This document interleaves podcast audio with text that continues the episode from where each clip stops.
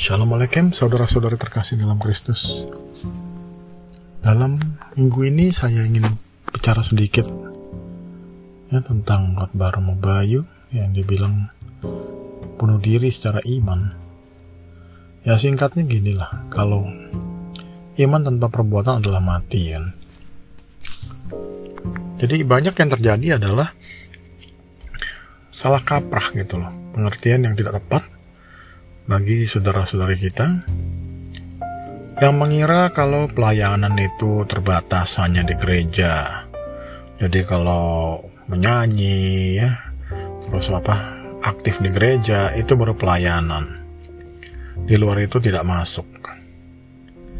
Padahal Tuhan Yesus mengatakan dengan jelas gitu loh. Ya, iman tanpa perbuatan adalah mati. Mati dalam artian tidak akan berkembang ya. Bukan bukannya ma berkembang lagi mati betul-betul mati karena nggak ada artinya. Ibarat kata begini ya. Orang itu tahu teori berenang tapi cuma tahu teori. Kalau beneran masuk air ya nggak bisa berenang gitu kan. Perlu praktek. Nah praktek ini bukan berarti pelayanan seperti di gereja ikut aktif sana sini bukan? Tuhan Yesus memberikan perintah eksplisit sekali untuk mencintai Tuhan dengan sepenuh jiwa ya sepenuh hati, pikiran sepenuh perasaan dan sepenuh kekuatan. Bagaimana caranya? Ya dengan mencintai sesamamu seperti diri sendiri kalau dalam bahasa Inggris ini cukup gamblang ya, love thy neighbor. Ya, mencintai tetangga. Jadi kalau masih belum toleransi dengan tetangga, masih bikin susah tetangga, ya itu belum mencintai Tuhan. Jadi kalau dikira pelayanan di gereja itu baru benar-benar pengalaman apa pengamalan iman, salah. Tuhan kita nggak pernah menuntut kita untuk tidak aktivis gereja. Yang menuntut kita untuk mencintai tetangga kita, mencintai sesama. Itu baru praktek dari iman. Ya. Dan kalau kita baca kitab suci juga golongan ini yang sering sekali dimaki-maki Tuhan gitu kan.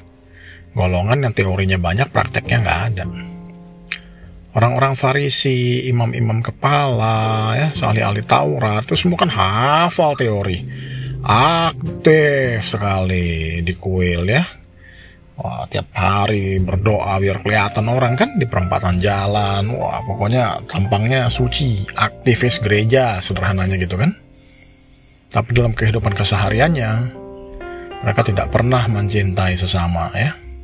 Tidak pernah peduli kepada tangganya yang dikejar hanyalah aktivitas-aktivitas di tempat-tempat ibadah. Tuhan nggak mencari orang-orang yang cari muka. Tuhan ingin kita jadi cermin dia di dunia. Yang menyebarkan cinta kasih kepada sesama karena hal-hal yang terkecil sekalipun ya yang kita lakukan kepada sesama kita yang paling hina sekalipun kita sudah melakukannya untuk Tuhan. Jadi bagi anda-anda yang tidak aktif di gereja atau segala macam, selama anda tetap mencintai sesama, ya tetap menolong tetangga, rukun, berbagi, saling tolong menolong, itu cukup baik. Itu yang diharapkan Tuhan. Sementara untuk yang cuma aktif di gereja, tapi tidak dekat, tidak peduli dengan sesama tetangga, bertobatlah. Tuhan memberkati.